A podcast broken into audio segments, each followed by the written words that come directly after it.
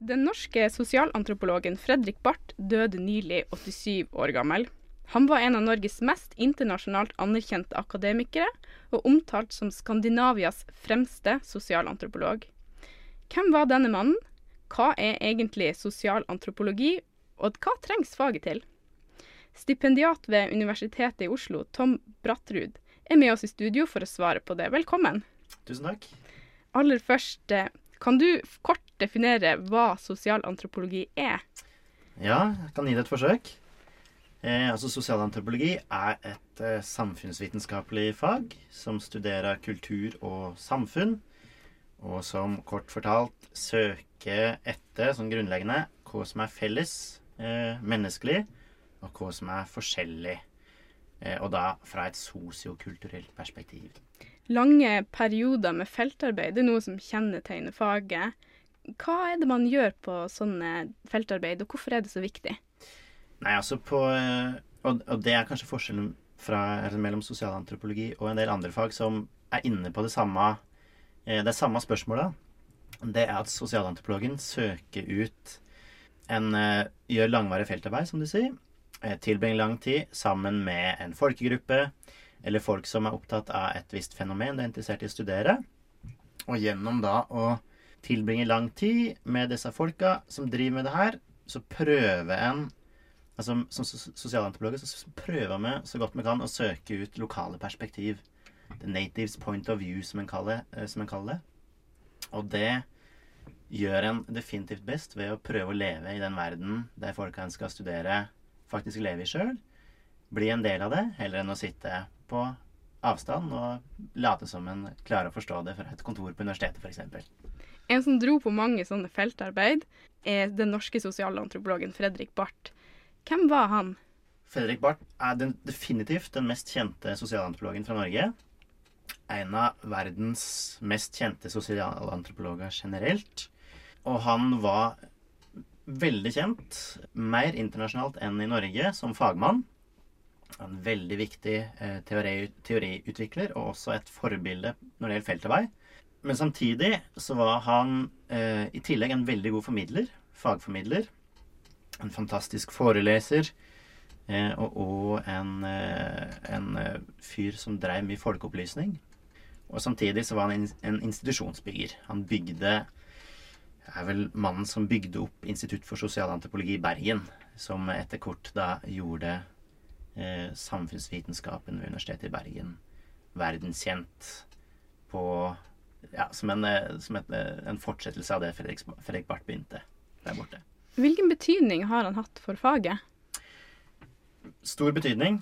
Eh, han har eh, flere teoretiske nyvinninger som på en måte var med å skifte en del sånne F.eks. måten å tenke om etnisitet på.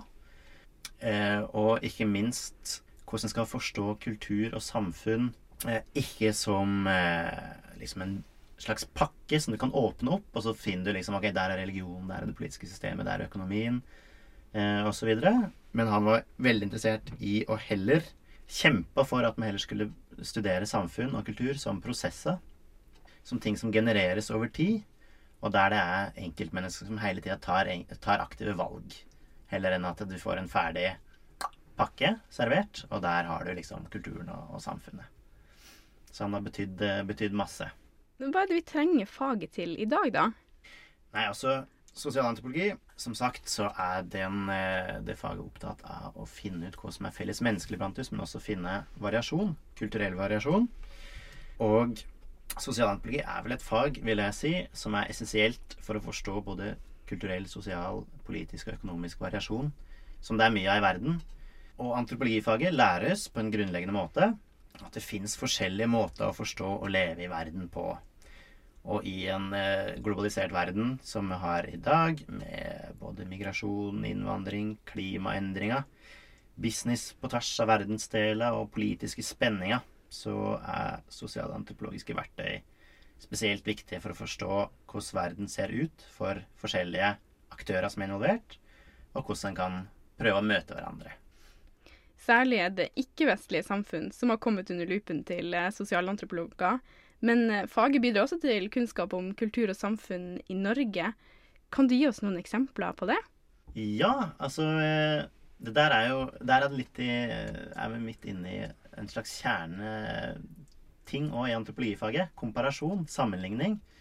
Det er viktig. Gjennom å sammenligne forskjellige kulturer, forskjellige fenomen, så kan vi finne ting som kanskje er felles. Om det er et skogfolk i Papua Ny-Guineas regnskog, eller om det kanskje er eiendoms, på et eiendomsmeglerkontor på Majorstua.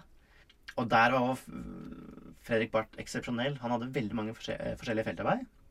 Sammenligna innsiktene sine, resultatene sine, og fant ut at det var forskjellige ting en kunne bruke også til å forklare eget samfunn, eller kanskje gjorde f.eks. et uh, feltarbeid på en fiskeflåte i, uh, i Nord-Norge. Så det er jo spennende at det, at det faktisk går an å, å, bruke innsikter fra forskjellige tilsvarende fenomen som en finner eh, rundt omkring på mange forskjellige plasser i verden, og kjenne det igjen i egen, egen kultur. Og fra Norge så kan vi si altså det fins antropologer som gjør feltarbeid på finanskrisa Eh, Tøyenløftet er det en eh, sosialantropolog som eh, er en av lederne. av. Hvordan en kan inkludere eller skape et slags mer inkluderende samfunn. Gitt visse sosiale, politiske, økonomiske forhold. Lakseoppdrett er det en av våre professorer som akkurat har gitt ut, ut bok om. Så her er det ja, egentlig uendelig med, med temas. Fascinerende. I Norge, Norge er landet som har flest sosialantropologer per innbygger. Mm. Hvorfor tror du at faget har blitt så populært her til lands? Jeg tror En eh, grunn er jo at man har hatt eh, store faglige forbilder, sånn som Fredrik Barth. Eh, som eh, Ja, det var vel i 1979 så hadde han en sånn eh, forelesningsrekke. Fire program i beste sendetid på NRK, f.eks. Som nok bidro til en del interesse rundt omkring i den norske heima. Eh, så det er nok eh, Og Thomas Hylland Eriksen, Torgeir Kolshus Det er flere som har vært aktive ute i media og nok eh, inspirert folk. og samtidig så Nordmenn er kanskje et eventyrlystent folk. og en ting som Fredrik Barth har blitt veldig rosa for, egentlig, er altså Norge Altså Norge er et ganske sånn likhetsbasert samfunn. Egalitært samfunn der en egentlig ser på folk som likeverdige på mange måter. Mens f.eks. i Frankrike akademikere i Frankrike, ofte fra høyere, enn høyere samfunnsklasse, og liker nok kanskje å se på seg sjøl som det også. Mens Fredrik Barth og en del andre norske antropologer har blitt veldig sånn rosa for å kunne stikke ut til Være interessert i å kunne stikke ut til det fjerneste strøk under det verste, mest kummerlige forhold, egentlig, som antropologer ofte må leve under og ta folk som det er. Altså Som om det skulle være naboen din da, eller en, noen primitive raringer som eh, er veldig annerledes enn en sjøl. Helt til slutt, eh, hvorfor har du valgt deg eh, sosialantropologi som ditt felt? Ja, nei, det er Hadde, hadde ikke hørt om sosialantropologi før jeg begynte på Blindern. Men før jeg begynte på Blindern, så hadde jeg vært ute og reist en del rundt i verden et år. Eller et halvt år etter en litt sånn eh, trøblete år i militæret, som jeg ikke likte, likte så veldig godt. Eh, og da eh, syntes det var så spennende å finne ut at folk levde på forskjellig måte og tenkte på forskjellig måte om ting. Og da fant jeg ut at søren, det er jo noe sånn. Jeg må prøve å finne at jeg kan studere. Og da etter et år på uh, ingenting vondt om informatikk og den slags, men eh, etter et halvt år der så fant jeg antropoli og begynte med det. og har likt det veldig, veldig godt. Vi får eh, følge flere sosialantropologiske forskningsprosjekter framover. Tusen takk for at du kom i studio, Tom Brattrud, eh, stipendiat ved Universitetet i Oslo. Takk for meg.